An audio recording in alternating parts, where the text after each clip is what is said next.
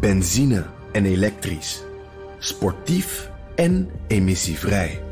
In een Audi plug-in hybride vindt u het allemaal. Ervaar de A6, Q5, Q7 en Q8 standaard met quattro vierwielaandrijving.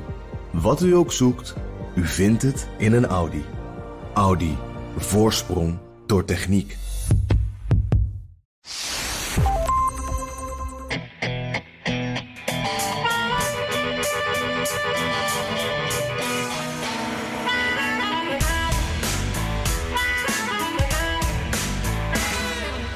Zijn inmiddels een maand na de verkiezingen.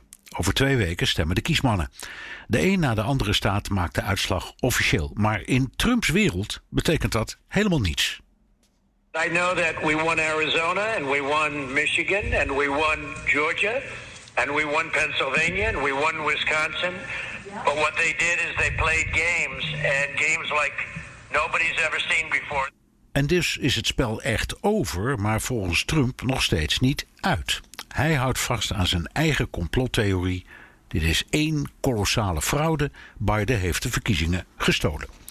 Dit is aflevering 53 van de Amerika-podcast. Mijn naam is Bernard Hammelburg vanuit Studio Hammelburg in Amsterdam.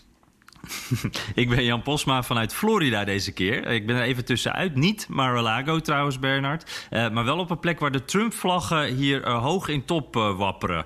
hoe is het bij jou? Nou, wat ik opvallend vind, weer even rondlopend in Amsterdam. De, je, je, hebt Thanksgiving gehad en die hele discussie over jongens, zorg nou een beetje, reis niet te veel, kom niet te dicht bij elkaar. En dat hebben heel veel mensen aan hun laars gelapt. Dat was hier net net zo hoor. Ja. Uh, ik, het, je ziet ook veel te drukke winkelstraten en burgemeesters die dan moeten ingrijpen. Maar het goede nieuws is eigenlijk in allebei de werelddelen, misschien in de hele wereld. Hier is dan net uh, door minister De Jonge het. Uh, het vaccin in het vooruitzicht gesteld. Ergens vanaf de eerste of de tweede week januari.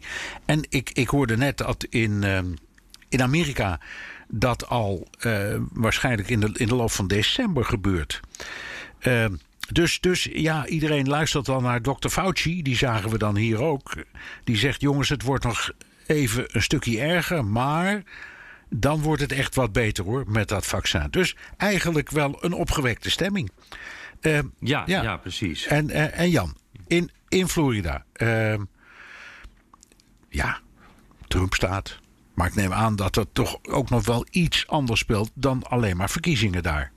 Ja, precies, precies. Sowieso zie je hier. Um, ik ben nu in de omgeving van uh, Tampa. Daar zie je wel dat mensen toch wat netter zijn met uh, mondkapjes. Dat uh, om even bij jou aan te haken. Ik was eerder in Orlando een paar weken geleden. En daar hadden mensen echt helemaal lak aan. Dat is hier toch wel net iets netter. Um, en ja, ook verder merk je wel hoor. Het leven gaat gewoon een beetje door natuurlijk. maar er was wel één momentje. Ik was hier net binnen. Het was de eerste avond. En toen ging ik even naar de avondwinkel. Even wat drinken halen. En daar stond de winkelmedewerker achter de balie. Uh, jongen van een jaar of 17.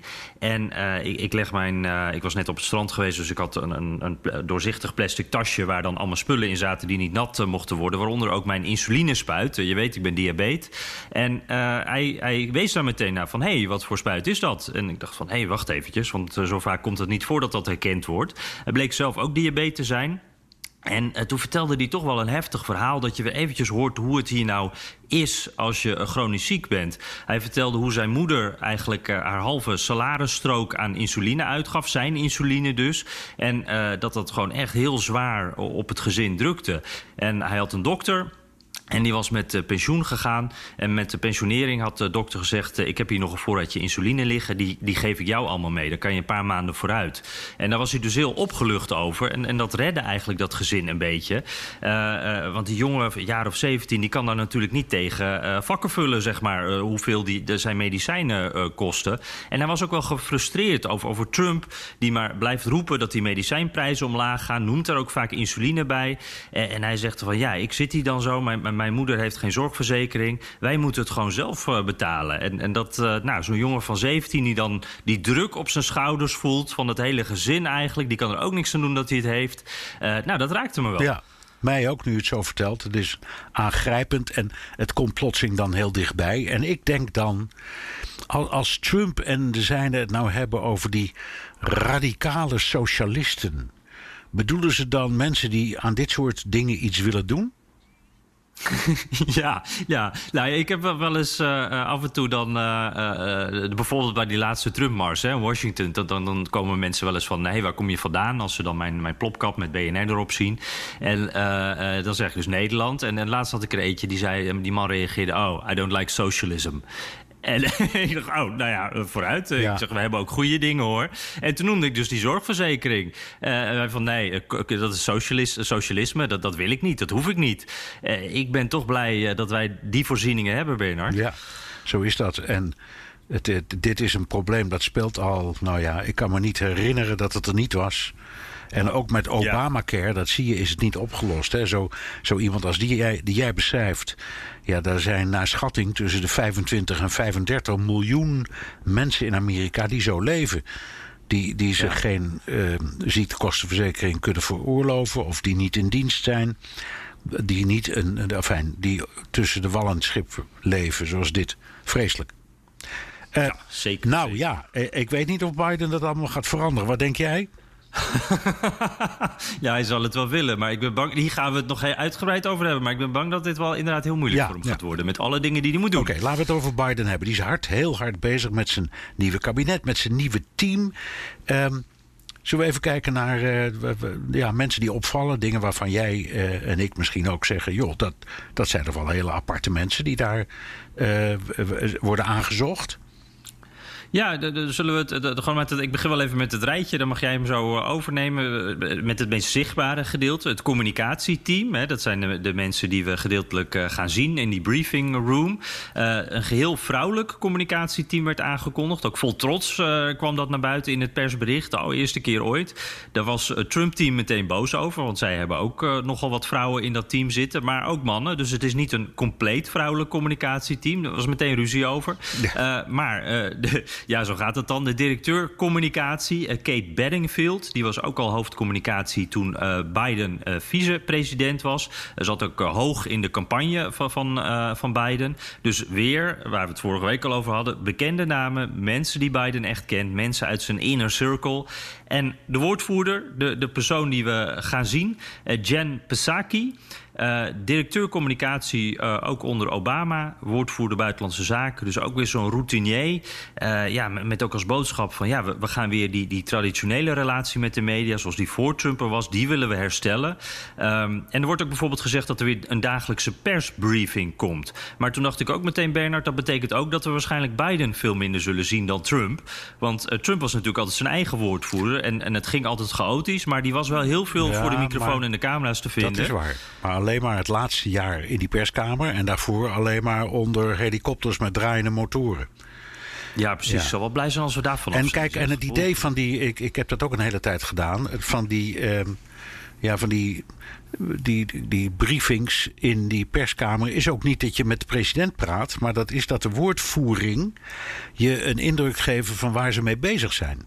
Dus die praten je bij, daar is het voor bedoeld. En af en toe komt de president dan zelf maar dat, dat de presidentiële persconferenties zijn eigenlijk wat anders. Dus ik hoop dat die briefings worden hersteld. Uh, zodat je een beetje meer inzicht hebt in wat daar nou allemaal uh, gebeurt. En even, Jan, iets wat ik heel belangrijk vind. Uh, er is heel veel te doen over journalistenvisa. Jij hebt er volgens mij ook heen. Ja. Ehm, en de regel was altijd: die krijg je als je bijvoorbeeld als correspondent uh, je in Amerika vestigt. En dat is dan geldig meestal net zo lang als je paspoort. Dus je zit daar en de enige uh, voorwaarde die er wordt gesteld... is dat je geen werkzaamheden verricht voor Amerikaanse bedrijven. Dus dat je ook echt alleen maar voor buitenlandse mediabedrijven... of in de culturele sector, geldt het ook voor, werkt. En dat is plotseling door de regering Trump op het laatst teruggebracht tot maar negen maanden. Wat, wat volgens mij gewoon een poging is om uh, buitenlandse media eruit te donderen. daar gaat het om. En dan gaat het misschien niet meteen om BNR Nieuwsradio. Maar wel om de BBC en om de, om de, A, de grote ARD en dat soort organisaties. Ik heb de, Ja. ik, dus ik hoop dat eh, eh, mevrouw Benningfield. dat die, dat, her, dat die een beroep doet op, ehm, op de immigratiedienst. om te zeggen: jongens, willen jullie die regel alsjeblieft terugdraaien? Dat kan toch niet?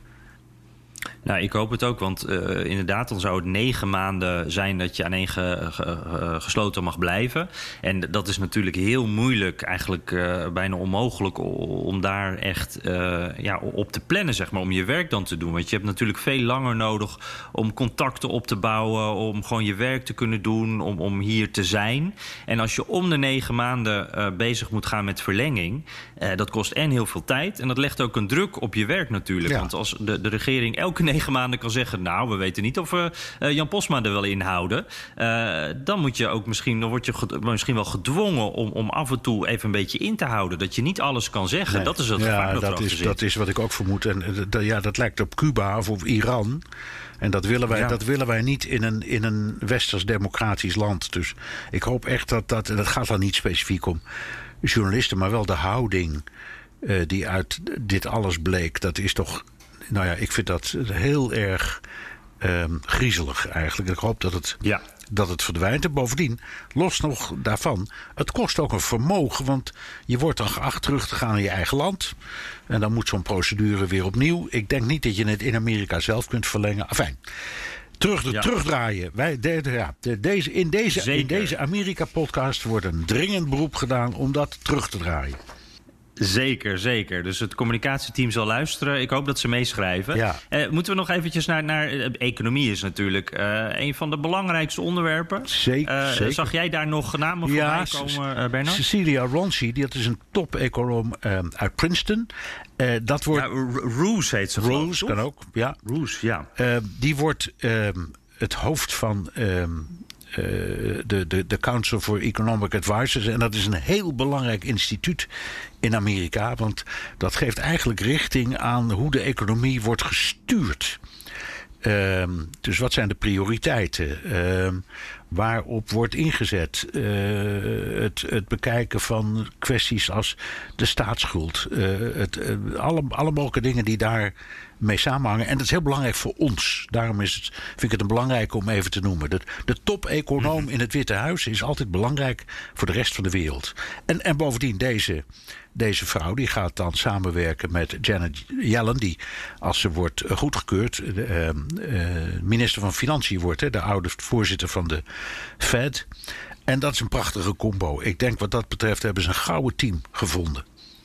Ja, wat maakt dat zo'n zo'n goede combo? Nou, omdat het allebei eh, eh, economen zijn met enorm inzicht en kennis, een enorme ervaring, niet uitgesproken politiek. ehm, wel sympathiserend met eh, de Democraten. Dat is logisch als er een democratische regering komt. Maar dit zijn wat je noemt geen uitgesproken. Dit zijn niet mensen voor wie de politiek bovenaan staat. Dus dit zijn, dit zijn echt vaklui, allebei. Dit zijn echt geweldige vrouwen. In wie je, denk ik, eh, behoorlijk wat vertrouwen kunt hebben. Het is heel goed ook voor de markten. Dus dat is echt heel belangrijk dat zoiets gebeurt. Dat de rust wat wederkeert. Ja. Hey, en en eh, eh, iets anders. Er was meteen een relletje rond eh Nera Tanden. Ook een dame, die, die moet de begrotingsdirecteur worden, zeg ik maar even. En ehm, nou, die, die naam die, die kwam dus naar buiten. En toen was er meteen een klein beetje ruzie. Of er werd wat een relletje gezocht. Dat kan ook hoor. Want zij is een Sanders-criticus. was kritisch op Bernie Sanders. Dat maakte sommige mensen op links eh, binnen de Democratische Partij boos. En Republikeinen zijn dan weer boos omdat zij eh, kritische tweets heeft gestuurd eh, over Republikeinse senatoren in het verleden. Nou ja, dat, dat zorgde meteen voor ook wat gelach hier. Want heb je de Twitter-feed van de president wel eens bekeken? Als dat niet meer mag, waar zijn we dan nog? Eh, maar ik, ik, ik vond het wel interessant om te zien, want er wordt steeds wel met redelijk gejuich naar al deze namen gekeken. Eh, en dit was dan de eerste keer dat ik een klein breukje daarin ja, zag. maar ik vind, het wel, ik vind het eerlijk gezegd wel goed nieuws ook omdat voor als eh, begrotingsdirecteur, dat is dus iemand die eh, vooral eh, toezicht houdt, bijvoorbeeld op de opvang van de staatsschuld. Daar moet je inderdaad niet iemand hebben van de lijn Sanders die zegt: je moet eigenlijk alles wat maar kan gaan subsidiëren. Het onderwijs, de volksgezondheid, nou, noem allemaal maar op. Ehm, dus dat is dan echt ja, wat hij zelf noemt een socialistische koers. En iemand die wordt aangesteld om toe te zien op de omvang van het budget. Ja, die zegt: jongens, dat moeten we niet doen. Moet niet, uh, moet niet uh, die, die, die staatsschuld is al buiten alle proporties. Daar moeten we wel een beetje op letten. Dus die, ja, dan, krijg je, dan wordt links boos. Want die zeggen, ja, dat is niet erg. Die staatsschuld is ervoor, uh, zodat wij lekker kunnen leven. En dat vinden anderen niet. En dat, ja, die republikeinse tweets, dat, dat, dat vind ik alleen maar komisch. En je, je hebt helemaal gelijk. Kijk eens naar wat Trump allemaal doet aan tweets. Ja, ja, ja, ja. Maar jij zegt dus, uh, je moet altijd een zuinige penningmeester hebben eigenlijk. Je moet een verstandige penningmeester hebben. En Amerikanen zijn wat dat betreft behoorlijk gemakkelijk. Die, die, die staatsschuld die gaat bij elke begrotingsonderhandeling omhoog. Um, en tussen drukken gewoon geld bij. En dat kunnen ze zich makkelijk veroorloven vanwege het feit dat uh, ja, de, de, de dollar natuurlijk de, de belangrijkste munt is in de wereld. Dus de standaardmunt. Dus ja, daar, daar, daar kan niet zoveel mee gebeuren. Uh, er is geen rente, dus je kunt je het schoempers lenen zonder dat het je veel kost. Ze schrijven staatsobligaties uit met een looptijd van 30 of 40 jaar. Dus, dus het kost allemaal niet zo heel veel. Maar het is natuurlijk een schijnvertoning. En zo'n begrotingsdirecteur, die is ervoor om te zeggen... jongens, dit is een schijnvertoning. Wil je even op je tellen passen? Nou, dat valt niet goed bij links.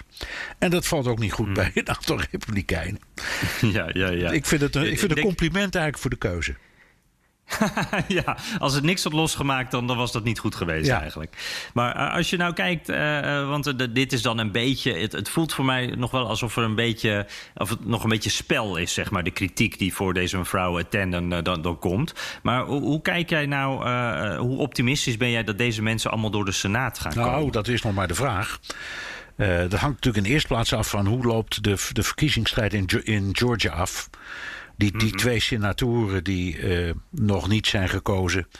Als dat uh, democraten worden, dan wordt het een stuk makkelijker voor Biden om, ze, om die benoemingen bevestigd te krijgen in de Senaat. En als dat mislukt en de, de Senaat blijft in meerderheid republikeins, dan heeft hij een probleem. En dan zullen er heel wat mensen die zullen vastlopen in dat benoemingscircuit. Um, en eh, deze, deze mevrouw Tenden zou daar best eens een van kunnen zijn hoor. Je weet het maar nooit. Op het, op het moment dat de Senaat nee roept, is het einde oefening. Ja, ja, eh, en als je die Republikeinen daarbij nodig hebt, dan, dan moet daar dus ook wel de wil zijn om samen te werken. En ik, ik zat zelf wat te, zo wat te filosoferen. Dit is allemaal speculatie natuurlijk. Maar als die strijd om, om de verkiezingsuitslag nog even doorgaat, blijft, blijft daar dus alles op scherp staan. Nou, het lijkt er wel op dat Trump daar nog even. Eh, daar, gaan we het zo nog over hebben. Maar Trump verandert daar voorlopig nog niet van mening. Uh, in januari hebben we, je noemde het al, die verkiezingen in Georgia. Waardoor het vuurtje ook weer wat verder zal worden opgestookt. Dan vraag ik me af of, of we rond die eh, of er al een soort uh, bereidheid is om ook water bij de wijn te doen aan de Republikeinse kant. Ik ben wel benieuwd hoor. Ja. Uiteindelijk niet, niet op alle momenten en niet bij alle benoemingen. Maar ik denk van wel. want als Mitch McConnell, de Republikeinse leider, leider blijft, dus als de Republikeinen winnen, dan moet hij op een bepaald mhm. moment ook denken aan de voortgang van de samenleving. En een van de dingen die opvalt, jou en mij eigenlijk steeds maar opvalt, is dat het gekrakeel over die verkiezingen komt van Trump en Trump-aanhangers in het veld, maar niet zozeer van de prominente Republikeinen. Mijn indruk is dat die steeds duidelijker aangeven wij wachten even tot de, deze veenbrand is uitgefikt. En dan gaan we gewoon over tot de orde van de dag. Want het land moet door. En je hebt een ministersploeg nodig. En je hebt uh, dit soort uh, top-economen in de regering nodig. Het kan niet anders. Dus ze zullen op de een of andere manier, denk ik, elkaar gaan vinden op dat punt. En zo hoort het ook. En het zijn dus ook geen extreme kandidaten. Nee, hè? Want nee, nee, het zijn allemaal behoorlijk zoals Biden zelf. Centrum, gematigd, ja. uh, veel ervaring. Ja, dus het zijn, eigenlijk ook niet zo. Nee, het enige is, het zijn allemaal insiders en geen outsiders. Daar hebben we het al eerder over gehad. Dat is, en blijft opmerkelijk. Maar goed, die, die, die Senaat bestaat uitsluitend uit insiders. Dat is, hebben we wel eens Ja. gezegd, toch een beetje een geriatrische inrichting. En de meeste, de meeste senatoren die zitten daar al zo ongeveer hun hele leven. Dus die kennen Ja, het spel. ja, en dat heeft nu in zo'n situatie als deze een voordeel. Omdat ze dan ook wat verder kunnen kijken dan de situatie precies, nu precies. bedoel Ze hebben het allemaal al meegemaakt. En ze weten dat er over twee jaar weer congresverkiezingen zijn. En ze weten dat de affaire Trump niet eeuwig kan duren. Dus je moet voort. Ja, ja. Hey, Bernard, ik zag ook eh, deze week, eh, ik moest er wel om lachen, ook wat berichtjes over bijvoorbeeld eh, over wat lichtere dingen. Bijvoorbeeld de huisdieren die Biden mee gaat nemen naar het Witte Huis. En daar was ook meteen kritiek op, want wacht eventjes, bij, bij Trump er werd alles neergezabeld. Eh, wordt de media nu een soort, soort worden ze weer een soort schoothondje. Net als onder Obama wordt dan wat gefrustreerd gezegd. Hoe heb jij daarna gekeken? Naar die dat berichten? is, ik moest er ontzettend om lachen, Jan. In de eerste plaats, nou, ik vond, ik vond zielig dat Biden zijn- ik geloof zijn enkel brak. Of wat was het? Zijn, zijn, eh, Ja, verstuikt of, of zijn haarscheurtjes ja, heeft hij... eh, uit, ja. uit laten spelen met zijn hondjes. Maar, maar huisdieren in het Witte Huis, dat is, dat, daar zou je een heel leuk klein boekje over kunnen maken. Naar allerlei verhalen. Ik heb er een paar opgezocht. Franklin Roosevelt. Eh, die had een Schotse terrier, die heette Fala. En daar, daar ontstond bepaald met een geweldige rel over. Want, zij zeiden de critici, zo'n hondje, dat moet allemaal, de dierenarts en het eten, dat komt allemaal uit, eh, uit dat, dat is taxpayers money. Dat, beta- dat betalen wij allemaal. brokjes. En toen heeft, toen heeft de FDR een toespraakje gehouden. Eh, en met als punchline... je kan iedereen aanvallen, mij, mijn vrouw, het kabinet, de ministers. Ga maar lekker je gang, maar van dat hondje blijf je af. Bovendien, het is een Schotse terrier. En die is dus zo gierig als de pest. Dat kost je helemaal niks. en eh, ja, en dat, dat toespraakje, dat is, ook, dat is ook de geschiedenis ingegaan als de Fala-speech. Fala, zo heette dat hondje dus. Hè? En dan Ja, had, je ja, nog, ja. had je nog zo'n verhaal met Nixon. Die had een cocker spaniel, die heette Checkers. Want eh, dat is, dat, dat is het, eh, het Engelse woord voor dammen. En, en daar, dat- dat, was dus een, een zwart-wit gevlekt hondje. En op een bepaald moment, toen hij vicepresident was onder Eisenhower... toen eh, werd hij beschuldigd van, van malversaties, financiële malversaties. En toen heeft hij een toespraak gehouden voor de televisie. Dat was toen een tamelijk nieuw medium. Met een soort, eh, met zo'n, eh, ik zal maar zeggen, een, een schoolbord en een krijtje. En daar heeft hij zijn hele inkomen en al zijn uitgaven heeft hij laten zien. Hij zei, dit is het, dit betaal ik aan belasting. Dit is allemaal controleerbaar. Was eigenlijk de eerste die dat in het openbaar deed. En zijn vrouw en eh, zat op een stoel lief naar hem te kijken. En dat hondje, lag aan, dat, hondje, dat hondje lag aan haar voeten. En dat is de geschiedenis ingegaan als de checkers speech. Dat verhaal. En het wordt vaak op, eh, in, bijvoorbeeld in, bij colleges psychologie wordt het vaak vertoond om te laten zien wat je kunt doen met simpele middelen. En sommige Freudiaanse psychologen zeiden ook dit was gewoon een aanval van hysterie. Maar hoe dan ook, het eindigde met een hele beroemde uitspraak van eh, Eisenhower: That's my boy. Met andere woorden, deze zaak is nu gesloten. Ja, En dan, had je, en dan had je natuurlijk Lyndon Johnson met zijn twee beagles. Een hele beroemde, die heette Him en Her, die hondjes. En die heeft hij op een bepaald moment opgetild aan hun oren. En eh, daar zijn foto's en filmpjes van gemaakt. Dat is een enorme rel geworden wereldwijd. Dierenbescherming boos. Ga, ga ze maar door. Maar die man was een enorme dierenliefhebber. Die wist wat hij deed. Op een bepaald moment heeft Truman, die nog leefde... die heeft op een bepaald moment gezegd... jongens, jullie ophouden met kibbelen? Die man is een dierenliefhebber. En zo ga je nou eenmaal met beagles om. Of woorden van soortgelijke zeggen. ja. Dus, en dan had je Bush 1. Die had, die had, die, die Ja. had ook een spaniel. Die heette Spotty. Die is geboren op het Witte Huis. En teruggekeerd onder Bush 2. Weer op het Witte Huis. En die heeft daar nog twee puppies gekregen. eh, Onder Bush 2 en een kat. Had eh, Bush ook. Eh, Clinton had de kat Sox. En, eh, Oh ja. en, en, eh, en een beroemde Labrador, Buddy, hondje. Eh, en Obama had twee Portugese waterhonden, Bo en Sonny. Die laatste had hij cadeau gekregen van Ted Kennedy.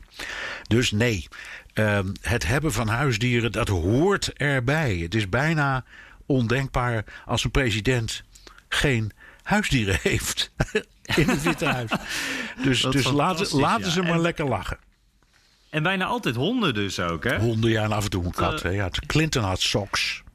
Het katje. Ja, ja, ja. En, en het is, uh, want wat jij, uh, Nixon, waar dus checkers uh, aan de voeten van zijn vrouw zat, daar werd al een beetje dus van gezegd van, hé, hey, het is ook wel slim, een beetje cynische blik misschien, ja. maar het is ook wel handig natuurlijk als president. Het is op dat punt wel een beetje bijna raar dat Trump dat, dat daar niet even gebruik van heeft gemaakt. Nee. Die man die zo naar het beeld altijd kijkt, zo weet wat, wat het beeld oplevert, zeg maar. Ja, maar het is die hond, dat wilde nee, niet. Nee, maar de, kijk, al die, al die presidenten die willen altijd aangeven dat het maar gewone huis in dit geval huisvaders zijn. Ja. Met gezinnen en met gewone dingen. En, met de, en ze hebben ook vaak kinderen. En ze hebben dus ook een hondje waar je mee kan spelen. Of een kat die je kunt aaien. En dat is überhaupt niet Trump's sfeer. Dat is niet een man. Dat is waar. Dat is ja. niet iemand die het familieleven wil uitstralen. En ook hij heeft nog een jonge zoon. Want we hebben het altijd over die oudere kinderen. Maar hij heeft ook nog die uh, jongere zoon, de horen zie je. Baron. Baron, daar hoor je, zie je eigenlijk bijna niks over. Dus het is een bewuste keuze geweest.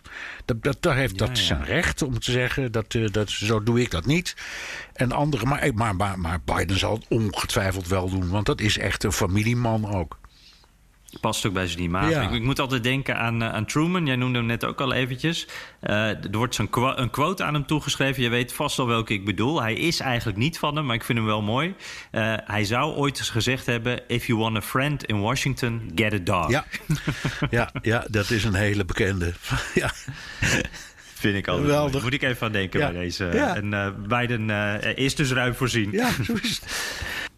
hey, maar Bernard, we, hadden ook. Uh, um, we begonnen er al eventjes mee, hè? Met, met Fauci. Uh, die, die zei dus inderdaad van. Uh, want we gaan het even over de grote kwesties hebben. waar Biden de komende tijd tegenaan loopt.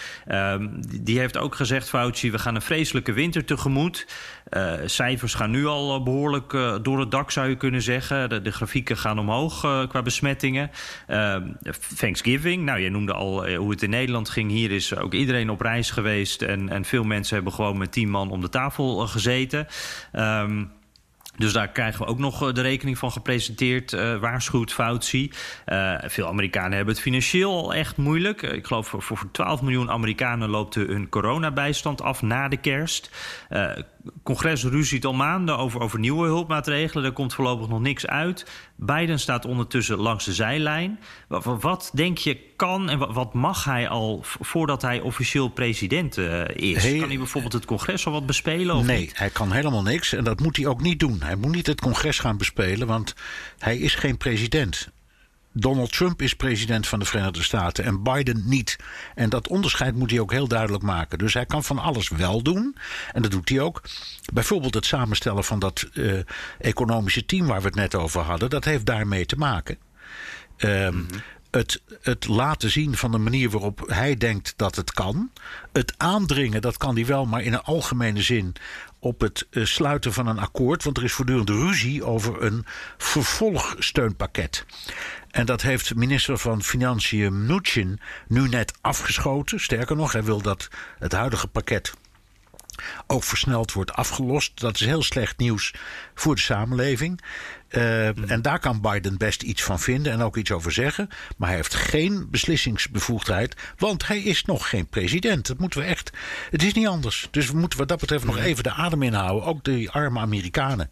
Gewoon even de broekriem aanhalen en afwachten en hopen dat er twee dingen gebeuren. Namelijk dat dat vaccin echt komt en helpt. En dat Biden dan inderdaad daarna zo snel mogelijk wel erin slaagt om een akkoord te sluiten met het congres. En de kunst daarbij is eigenlijk altijd hetzelfde. Dat is dat je de, de dingen uit elkaar haalt. Hè. De, de, wat ze in Amerika altijd doen met dit soort kwesties is dat ze dat vastknopen aan andere dingen. Dus dat is, voor een deel gaat het dan plotseling over defensie en over. Um, nou ja, noem maar iets over de aanleg van wegen. En er zitten dan allerlei dingetjes in zo'n voorstel die er niet in moeten. En ze moeten. Pork. Ja, dat heet dan pork, precies. Van de, van de uitdrukking pork barrel.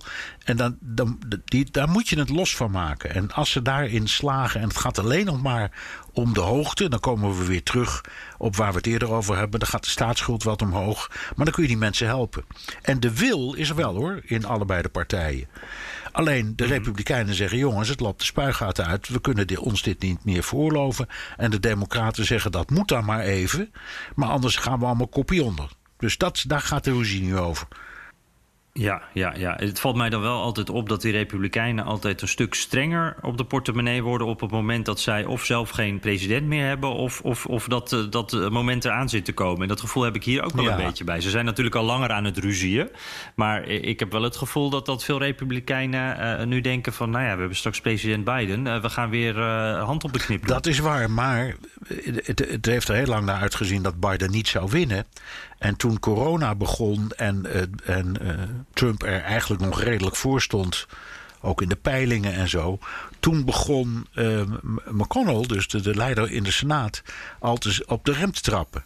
En te zeggen: jongens, we geven te veel geld uit, we kunnen ons dit niet veroorloven. Dus eerlijk gezegd, ik weet niet of, of dat met elkaar te maken heeft. Maar je hebt gelijk. het is ook een, een, een republikeins stokpaardje om te zeggen de federale overheid moet niet voor dingen opdraaien. Dat moeten de staten doen. Laten die mhm. staten mogen. Die staten hebben een probleem, want in de, dus er is in de grondwet vastgelegd dat die geen schuld mogen hebben. Dus die staten die willen wel, maar die kunnen niet. Want waar halen die het geld vandaan? Die mogen, staten mhm. mogen geen schuld hebben. Uh, dus het is een ingewikkelde puzzel. Uh, en uh, nou ja, ik, ik, je kunt niet anders hopen dan dat ze of misschien de komende weken toch nog uitkomen hoor. Dat kan ook nog altijd. Of dat het moet wachten op 20 januari. Maar op 21 januari ligt er een nieuw voorstel. Dat beloof ik je. Ja, precies, precies. En het is inderdaad wel hoor, als je kijkt, ook uh, als ik door Washington loop en, en ik, ik, ik uh, hou dan wat van die. Uh, uh, foodblogs uh, bij over wat uh, restaurantjes en cafeetjes in de buurt allemaal doen. En het is al een half jaar lang de een na de ander gaat dicht. Ja. En, en, achter elke dichte gevel daar zitten weer drie, vier gezinnen die daar la echt last van hebben. Ja. Het, het, water staat sommige mensen echt tot aan de lippen. Zeker. Dus het is en ik weet niet hoe het een tragische situatie. Ik weet niet hoe het in Washington is, maar in New York, waar ik dus nu ja, een hele tijd heb rond te lopen. Ik schrik van het toenemende aantal zwervers. Er zijn altijd zwervers, ja. dat is een bekend verschijnsel in Amerika. Maar het is nu wel heel erg hoor. Echt heel, heel ja. erg. Hartverscheurend. Ja, en het valt ook meer op, hè? Ja. omdat er minder mensen op straat zijn. Maar het is inderdaad, ja, ja en... meer, er staan bij ons uh, tentjes op allerlei, ja. in allerlei parkjes en, en op viaducten en zo. Ja, en weet je wat ook nog, weet je ook zo, uh, echt een probleem? De meeste mensen hebben geen cash meer op zak.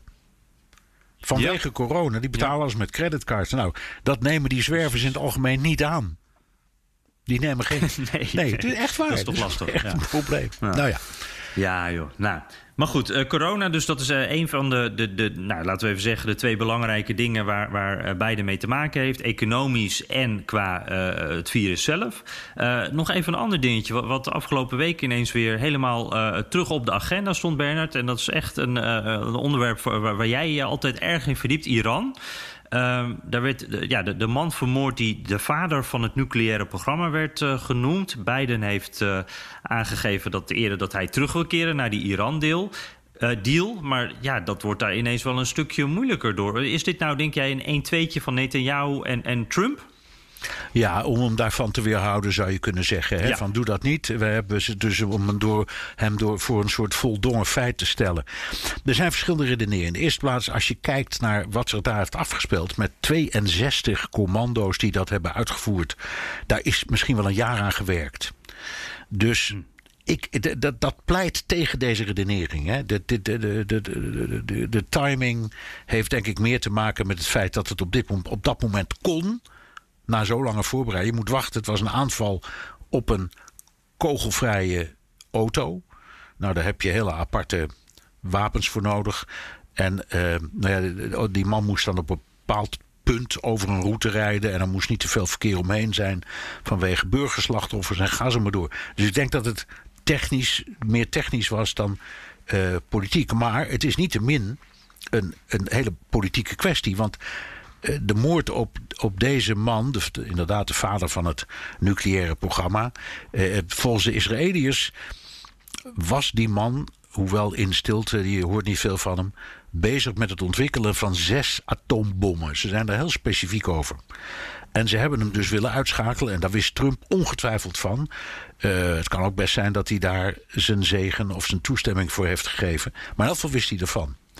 Um, en ehm, eh, de vraag is alleen, eh, klopt dit verhaal? Het klopt natuurlijk wel, maar is dit de grootste zorg? Want er zijn heel veel Israëliërs die zeggen... een veel grotere zorg die we hebben... is de ontwikkeling van zeer ehm, efficiënte raketten die Iran ontwikkelt. Dus ze wilden sowieso een signaal geven aan Iran van stop. En dat plaatst Biden voor een enorm probleem. Want zoals je zei, hij wil inderdaad proberen om toch dat overleg weer op gang te krijgen. Of misschien weer mee te gaan doen aan die zogenaamde Iran-deal, waar Trump is uitgestapt. Ehm, maar inmiddels zijn alle uh, ja, zijn, staan alle schotten anders. Inmiddels is er een groot akkoord tussen Israël en een aantal Arabische landen en Amerika, die Abraham-akkoorden. Nou, dat zal niet zo snel meer worden teruggedraaid. Het is allemaal tegen Iran. Dus ik denk dat Biden begint met de zaak een tijdje te laten lopen. Gewoon omdat hij niet weet wat hij hier meteen mee aan moet. En eerlijk gezegd denk ik dat de Iraniërs het ook even laten lopen om Biden de kans te geven om een standpunt te kiezen. Dus ik, ik, mijn eigen idee is: er gebeurt nu even niks, maar het is niet weg. Dit komt terug, of met een represaille, of met iets anders. En Biden zal inderdaad een keuze moeten maken die hij helemaal niet wilde maken. Komt hem buitengewoon slecht uit. En Biden die heeft natuurlijk ook, uh, we hebben al net al wat andere prioriteiten genoemd. Die heeft de druk genoeg, dus die komt het dan niet slecht uit, denk ik, om het even uit te stellen. Maar uh, Iran, die hebben natuurlijk die sancties. Ja. Kunnen die het nog lang uitzingen? Nou ja, nee. Uh, die, hebben, die hebben het heel moeilijk. En bovendien, als, als die iets van een represaille willen, dan kunnen ze daar wel een tijdje mee wachten, maar ook weer niet al te lang. En uh, dat is ook weer de, hele, de, de, vrees van heel veel mensen in dat geopolitieke spectrum. Die zeggen: ja, maar wat en waar? Er is wel eens een aanval geweest op Joodse doelen in Buenos Aires door Hezbollah. Um, dus het, het, dat heet dan asymmetrisch. Hè. Het kan op een hele andere plek gebeuren. Dat is waar heel veel mensen bang voor zijn. Dat de Iraniërs een tijdje wachten. En dat dan ergens in de wereld iets gebeurt. waarvan je achteraf denkt: oh verhip, dat was een represaille voor wat er daar is gebeurd. Dat zijn de, de angsten die nu steeds groter worden. En ook die moet Biden adresseren. Want hij zal erop worden aangesproken door de bondgenoten. Mhm. Ja, ja. En, en wat denk je, wat, wat kan Biden op dit moment als je kijkt naar uh, dat Iran-akkoord? Want uh, alles wat ik hoor dat, dat, dat, en, en lees, dat, wordt toch altijd uitgelegd dat Iran weer een paar stappen verder is gekomen, dichterbij. Uh, dus is dit nog een moment waarop je zo'n akkoord, ook als je er even mee wacht, weer een nieuw leven in kan blazen? Of zijn we dat punt misschien ook wel voorbij? Ja, maar het kan, maar er zijn hele scherpe voorwaarden. Eén, Iran moet door het internationale atoomagentschap alle faciliteiten volledig laten inspecteren. Dat hebben ze tot nu toe nog steeds niet gedaan. Ze moeten terug in hun productie van uh, verrijkt uranium. Dat hebben ze nu de afgelopen tijd opgevoerd. Gecontroleerd, maar ze moeten ook bereid zijn om hun raket- en hun droneprogramma onder dat akkoord te brengen. Want dat is inmiddels een veel groter gevaar. En ik, hmm. ik zie ze dat niet doen. En dat is de puzzel die, die Biden krijgt. En eerlijk gezegd, de puzzel die die andere deelnemende landen ook hebben. Want het is niet meer, je praat niet meer over het akkoord van toen. De situatie is drastisch veranderd. Ook technisch aan Iraanse kant. Ze zijn zoveel beter geworden met hun wapens. Het probleem is daardoor veel ingewikkelder. Ja, dus als we zeggen, als we het erover hebben, teruggaan naar het Iran-akkoord, bedoelen we eigenlijk een nieuw Iran-akkoord. Ja, dan moet, dan, ja, dat is wat Trump ook steeds heeft gezegd. Hoor. Eerlijk is eerlijk. Die zei: mhm. dit akkoord is waardeloos. Er moet een nieuw akkoord komen waar onder andere ook raketten in zitten. Nou, daar had hij wel een punt. Alleen hij drukt zich soms niet altijd even eh, gelukkig uit, zal ik maar zeggen. dus, ja, een diplomaat is het niet. hey, uh, nou, we moeten misschien eens eventjes door naar uh, de, de, het juridisch theater. Hè, hoe wij dat gedoopt hebben. Um, ja, Bernard, het, was weer een, een, ja, eigenlijk net zo gekke week als vorige week. Als het gaat om al die recht, rechtszaken rond de uitslagen en, en, en nou al het gedoe eromheen, zeg maar. Er was deze week weer een hoorzitting in Arizona. Hè, weer door Giuliani georganiseerd. Dat was net als vorige week was dat weer iets voor de bühne, want er waren geen rechters bij. Het was in, in een high Hyatt Regency Hotel, downtown Phoenix. En dat was wel bijzonder, want terwijl Giuliani sprak, werd Arizona ook gecertificeerd. Dus die uitslag werd officieel, waarmee het helemaal een beetje voor de bühne werd. En al die belangrijke swing states die, die zijn nu ook gecertificeerd: Michigan, Wisconsin, Pennsylvania, Georgia. Ehm, dus ja, de, de, Trump-campagne blijft maar met nieuwe voorwaarden komen. Ehm, en, en nieuwe rechtszaken. Maar eigenlijk, ja, het, het, het, de, trein gaat door, toch? Eigenlijk, uh, dat hadden we vorige week al vastgesteld. Maar ze blijven proberen. Zeker. Oké, maar... Of zeg ik dit eigenlijk wel goed? Ze blijven het proberen, maar eigenlijk proberen ze het ook niet echt als ik naar die rechtszaken kijk. Het is meer een soort uh, voor de bühne volgens mij nog steeds. Ja, ja nou ja, het is. Ehm, ja, nou ja, de, het, het gaat wat dieper dan dat. Omdat er zit, het is bijna een religieuze uh, secte geworden in de Verenigde Staten. Ik kan het bijna niet anders omschrijven. Want jij zegt nu allemaal uh, hoorzittingen in uh, hotels. Maar de gelovigen, die noemen dit echte hoorzittingen. Die laten dat hotels mhm. weg. En die doen net alsof dit hoorzittingen zijn in parlementen. En ga ze maar door. Wat het helemaal niet zijn. En dan had je dat interview, Jan. Dat interview van Van de Week. Ja, op, uh, op Fox. Hè? Ja. Ja, ja, dat was wel bizar. Ik, eh, de de, de, de uh, interviewer, die, die, dat was een soort aanreiker. Die, die gooide steeds het balletje op en Trump mocht hem steeds zo inkoppen. Ja. En uh, dat was, daar wees jij op. Dat vond ik wel een mooie quote. Die had ik even gemist. Maar daar zei Trump ook... want, want Trumps team zegt, we gaan naar het Hoge Rechtshof. Hè. Dat wordt zeg maar de oplossing. daar gaat alles veranderen. Maar de kans is nog best wel klein dat hij het oppakt. En dat zei Trump zelf ook in dat gekke interview met Fox News. Can you imagine? Donald Trump, President of the United States, files a case. And I probably can't get a case, even with, and we have tremendous proof. We have hundreds and hundreds of affidavits, sworn affidavits. And it's very hard to get a case to the Supreme Court. Is about there a the path to victory? Dominion. Yeah, uh, I hope so. Ja, dus Trump twijfelt zelf ook wel een, een, een, beetje, Bernard, als je dit zo hoort. Dit klonk toch niet zo zeker allemaal? Nee, maar aan de andere kant, daar hebben we het al eerder over gehad... moeten we het toch weer even over hebben. Jij en ik worden voortdurend aangesproken door Trump-fans... Uh, En die ons dan uh, uitleggen dat we er helemaal niets van begrijpen. Dat we verkeerd kijken. Uh, en die, die berichtjes lijken allemaal op elkaar. Dus ik, ik, ik heb de indruk dat ook dat een frame is. Maar ze beginnen allemaal met dingen als mark my words. Of ik, ik voorspel je dat Biden verliest. En, dus al die, en al die berichten zijn, die, die, die, die luiden allemaal zo. Dus ze nemen dat van elkaar over. Um, maar daar zitten weldenkende mensen bij. Met een goede opleiding. En, en, en een prima achtergrond. Uh, en, en zeg, die gelovigen, want ik kan het niet anders noemen. Die, die blijven maar zeggen dat wij het niet begrijpen. Dat die Biden echt een oplichter is. En dat hier sprake is van echte, echte fraude. Dus mm zet ze eens op een rijtje. Al die, al, die, al die beschuldigingen, Jan, en al die dingen die wij dan niet goed begrijpen. Want we, zijn, we doen dit altijd heel eerlijk.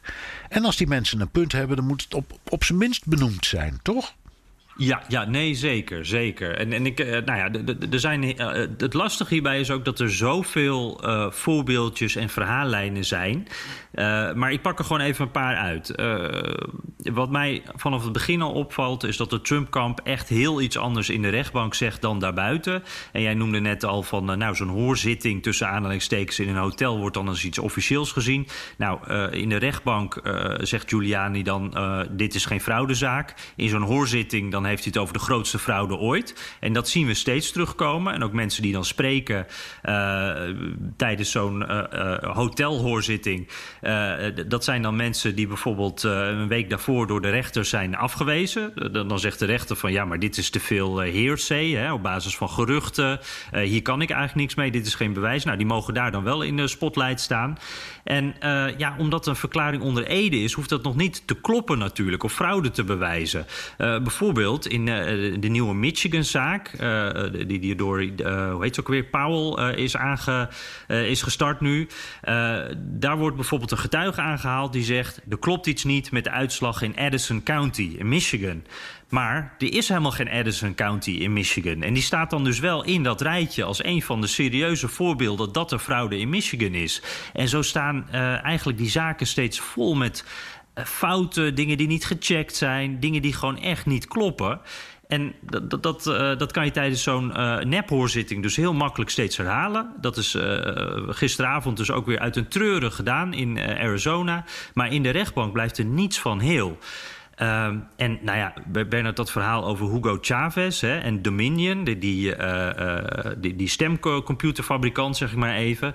Dat is echt gestoord eigenlijk. Dat, dat is een complot waarbij dus nou, een, een, dode dictator uit Venezuela bij betrokken zou zijn. Het bedrijf Dominion, honderden republikeinen en democraten die, die daar ook dan weet van zouden moeten hebben. Maar ook bijvoorbeeld de gouverneur van Georgia moeten dan mee te maken hebben. De FBI en de CIA die dan of echt helemaal niks hebben hebben gedaan en, en, en hebben zitten slapen. Of ja, dat kan bijna niet dat die, dat, dat die daar niks van hebben meegekregen. Dus die moeten dan ook in het complot zetten. Ze, dan, dan word je op een bepaald moment denk je toch van... ik kan hier niks mee, ik, dit kan ik niet geloven. En... Um, ook zo'n voorbeeldje. Uh, S'nachts zouden er dan grote verdachte dumps van stemmen binnen zijn gekomen.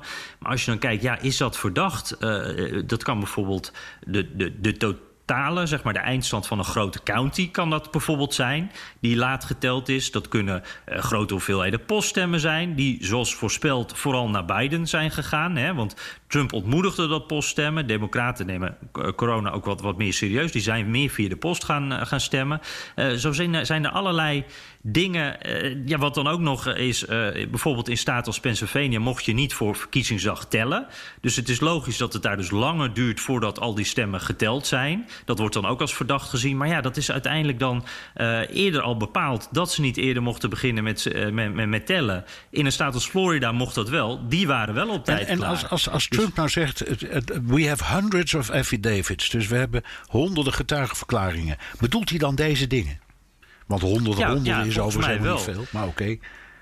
nee, nou ja, maar goed, wat het wel, wel natuurlijk is in zo'n nephoorzitting, uh, dan uh, ziet dat er wel heel indrukwekkend uit. Ik heb daar ook gisteren naar zitten kijken. Dat zijn dan allemaal verhalen en allemaal van echte mensen. En dan denk je, ja, wacht eventjes, of dat kan je denken. Dit, dit, hier is echt iets aan de hand. Maar iemand kan wel onder ede iets verklaren, maar als de, de rechter het dan afwijst, of, of tegen de rechter zegt hij wat anders, en, en tijdens zo'n nephoorzitting zegt hij het dan wel officieel, ja, wat, dan is het eigenlijk niks waard. Ja. Oké, okay, wat zit erachter, Jan? Wat denk je dat erachter nou, zit? Ja. ja. Ja, we, we, hebben het hier al wat vaker over gehad. Ik heb het idee dat dit weer... Ja, ze, ze zeggen wel eens de firehose. Hè, dat je met de brandslang eroverheen gaat... met een enorme hoeveelheid water of in dit geval verhalen. Uh, Bannon, Steve Bannon zegt dan... Uh, flood the zone with shit. Uh, dat is een wat minder poëtische omschrijving. Zoveel informatie uitbraken dat mensen de, de, de, draad kwijt zijn. En ik moet zeggen, ik weet niet hoe het met jou is... ik ben af en toe ook de draad kwijt. Dan denk je van, wacht even, ja. weer zoiets... Ja, moet je het weer gaan checken. dat is echt wel gaande. En ik denk dus... Uh, wat echt gebeurt. Al deze zaken, ze worden steeds gespind als een grote stap, als een grote overwinning door het Trump-team. Terwijl het vaak echt om zijpaadjes gaan die echt niks opleveren. En uh, OAN, hè, die, die zender, uh, die, die, alternatieve, beetje pro-Trump of heel erg pro-Trump zender, die zendt dan bijvoorbeeld die hoorzittingen uit, zoals in Arizona, eerder Pennsylvania. En het wordt dan echt gedaan alsof dit heel officieel en groot is. En ik denk, als je dit dan als Amerikaan een beetje met een half oog volgt en je ziet dit allemaal, dan denk je ook van zo, dit is heel wat. Maar ja, voor de rechter blijft er niks overeind. En wat is dat? Wie, wie en wat is OAN? Ja, oh sorry. Dat, uh, ja, One American News Network is dat. Dat is een, uh, ja, een, een soort uh, rechtsalternatief voor Fox News. Trump die haalt het nu ook vaak aan, omdat hij minder tevreden is over Fox News. En dan zegt hij, ga dan vooral OAN kijken. En dat OAN dat is dus een, een klein zendertje eigenlijk, wat wel nu aan het groeien is. En uh, uh, ja, wat dan dit soort dingen ook uh, dus uitzendt. En ze zijn in alles eigenlijk nog net even wat rechtser, nog net even wat meer pro-Trump dan, dan zelfs de meest heftige pro-Trump mensen bij Fox News. Ja. Dus dit is echt het maar, Trump Maar bij, bij, Fox News zijn er een heleboel afdelingen, redacteuren, presentatoren die toch wel iets doen aan feiten. Of die ook eens iemand van de andere partij aan het woord laten. Of die proberen een beetje orde te krijgen in al deze chaos. Dat is dus bij die zender niet het geval. Er is alleen maar één kant aan, de, aan het woord. Ja, precies. En dat is echt eh, keihard, dat geluid hoor je. En eh, het schurkt ook wel, uh, valt mij op, regelmatig uh, tegen echt, de echte complottheorie, de, de QAnon-achtige verhalen aan. En je ziet dat daar ook wel samenkomen. Hè. Die Sidney Powell, die advocaat die dan nu officieel geen onderdeel is van het Trump-team, maar nog wel steeds rechtszaken aanspant. En, en ook wel ja, soort van namens dat team spreekt steeds. die zit ook vol in die QAnon-theorieën. En dat zie je op OAN dus ook vaak terugkomen. En dat, dat gaat steeds meer in elkaar over, valt mij op. Het wordt steeds meer complot en uh, steeds minder uh, zeg maar de redelijkheid of uh, de waarheid ja. in ieder geval, de werkelijkheid. Oké, okay. nou Jan, ja. we zijn alweer een paar minuten aan het woord. ik zou zeggen, ja. tijd voor de luisteraarsvragen. Wat heb je allemaal in onze brievenbus? Ja, Hero Pol, die zegt... Um, uh, ik ga gelijk even naar de kern gewoon. Uh, je ziet nu Biden optreden vanuit the office of the president-elect. Is het niet denkbaar dat Trump zoiets dergelijks gaat doen... maar dan vanuit de office of the real president of the USA? Dus straks na 20 januari, Biden is geïnaugureerd... Trump blijft natuurlijk vanaf de zijlijn dingen roepen. gaat hij dat, ja, zou hij dat dan een beetje officieel kunnen maken met een soort officieuze titel? Nou, dat, officieel kan hij dat natuurlijk nooit maken. De, de office of the president-elect is ook niet officieel, hè, dat weet je. Het is geen, nee, het is een, geen officiële term. Een plakkertje wat je erop een plakkertje dat ja, vooral de media erop plakken. Dus dat uh, zegt de strijd is nog niet gestreden.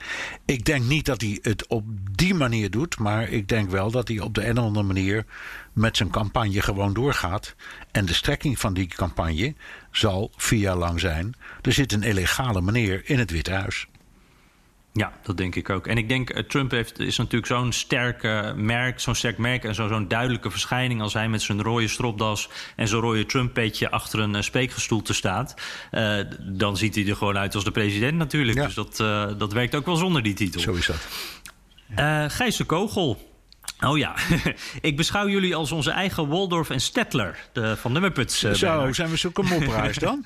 ja, ja, ja, blijkbaar. Ja. Die op ge geheel eigenwijze commentaar leveren op de harde Amerikaanse politiek. Soms zijn jullie analyses scherp, meestal relativerend en dan weer ironisch.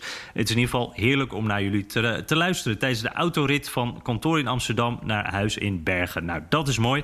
Hij heeft ook wat uh, een mespuntje, zegt hij, van kritiek. Um, ik vat het even een beetje samen, want hij legt dan uh, uit wat we allemaal eerder hebben besproken. En dan zegt hij: Waarom zijn jullie zo voorzichtig in je commentaar op het handelen van de zittende president Trump dus?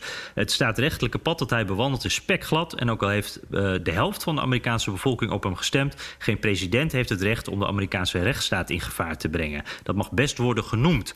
Waarom doen jullie dat niet? Zijn jullie bang dat jullie conservatieve achterban jullie zal betichten van politieke vooroordelen? Ja, ik lig te sidderen in mijn bed. Uh, ja, ja, dat moet ik zeggen. Oei. Nee, natuurlijk niet. In de eerste plaats, we doen dit niet. We benoemen het wel degelijk. Alleen, wij zijn geen rechters. Um, en we zijn, we zijn gewoon journalisten, dus we nemen het waar, we beschrijven het. We hebben er ook best een oordeel over. Als we zien dat het rabiate onzin is, dan benoemen we dat ook. Uh, dus we doen ook wel aan, aan fact-checking. Maar we zijn geen. Uh, uh, dat, we hebben, dat komt vaak terug. We zijn geen ideologen, we zijn geen propagandisten. We hebben van meet af aan ons niet anti-Trump of pro-Biden opgesteld. En dat blijven we ook zo doen. Ik, wij, doen, ja, wij, doen, wij doen gewoon een handvak en dat heet journalistiek. Ja, en we, we geloven er ook, dat hebben we aan het begin ook steeds wel besproken, van hoe we het wilden gaan doen. We geloven er ook wel in om, om uh, nou ja, het, het, verhaal te vertellen, om de zaak zeg maar voor te leggen. En dan is het aan de luisteraar om te bepalen wat hij daarvan vindt. En ik vind in veel gevallen ook van, ja, moet je het dan nog benoemen dat het slecht voor de rechtsstaat is als uh, uh, verkiezingen niet worden erkend, terwijl er pardon, geen bewijs is voor fraude. Ja, ik denk dat dat ook wel ergens uh, voor de hand ligt. Als nou, ik, bovendien, we, uh, hebben het, we hebben het in de afgelopen 50 minuten een aantal keren ook wel benoemd. Je hebt het voorbeeld gegeven van Giuliani, die buiten en in de rechtszaal hele andere verhalen vertelt. Dus we benoemen het precies. Ja. Alleen, het, het, wij zijn, uh, wij zijn, wij doen, we zijn geen jury. Om het maar in Amerikaanse termen te houden. Ja. nee, maar, maar, goed, nee, maar Gijs de Kogel, wel uh, dank. Uh, trouwe luisteraar uit Bergen uh, zegt hij, wel dank hoor, want je houdt ons scherp. En dat doen jullie allemaal met dit soort vragen. zo blijven we ook scherp. Adrian van Breda, die zegt, begrijp ik goed dat met een nieuwe president ook alle ministeries iedere termijn worden vervangen met ambtenaren van een nieuwe politieke kleur? In Nederland zijn topambtenaren in principe niet politiek, waardoor de expertise behouden blijft. Hoe zorgen ze in VS dan voor het behoud van expertise? In principe werkt het hetzelfde, alleen die toplaag van wat dan heet politieke benoemingen is veel groter dan bij ons. Uh, maar je hebt net als in uh, Nederland heb je gewoon carrièreambtenaren. Die, uh, die soms gewoon 20, 30, 40 jaar op een ministerie werken. En die verder helemaal.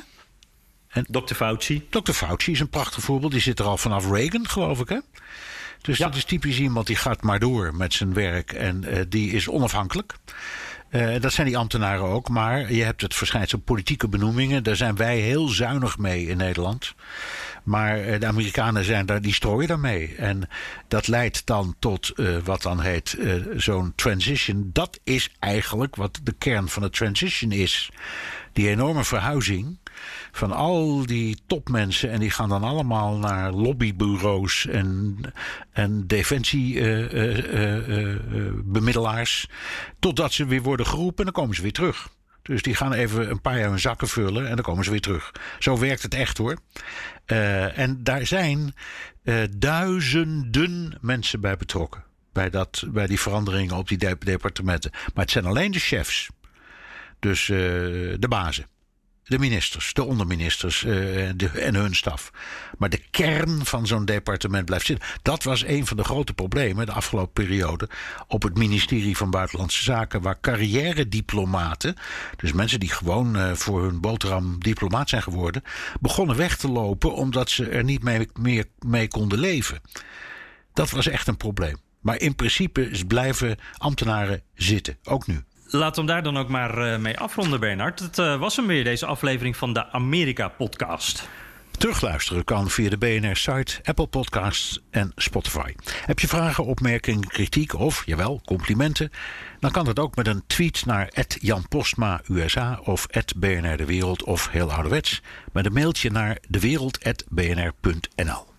Ja, en laat ons dan ook even weten hoe je naar ons luistert en waar vinden we altijd leuk. En uh, een recensie is ook altijd uh, nog welkom, want deze week was het voor de eerst in hele lange tijd was er weer geen recensie. Dus uh, als je een recensie hebt op Apple Podcast, stuur die dan even in. Vinden we leuk. Dank voor het luisteren. Tot volgende week.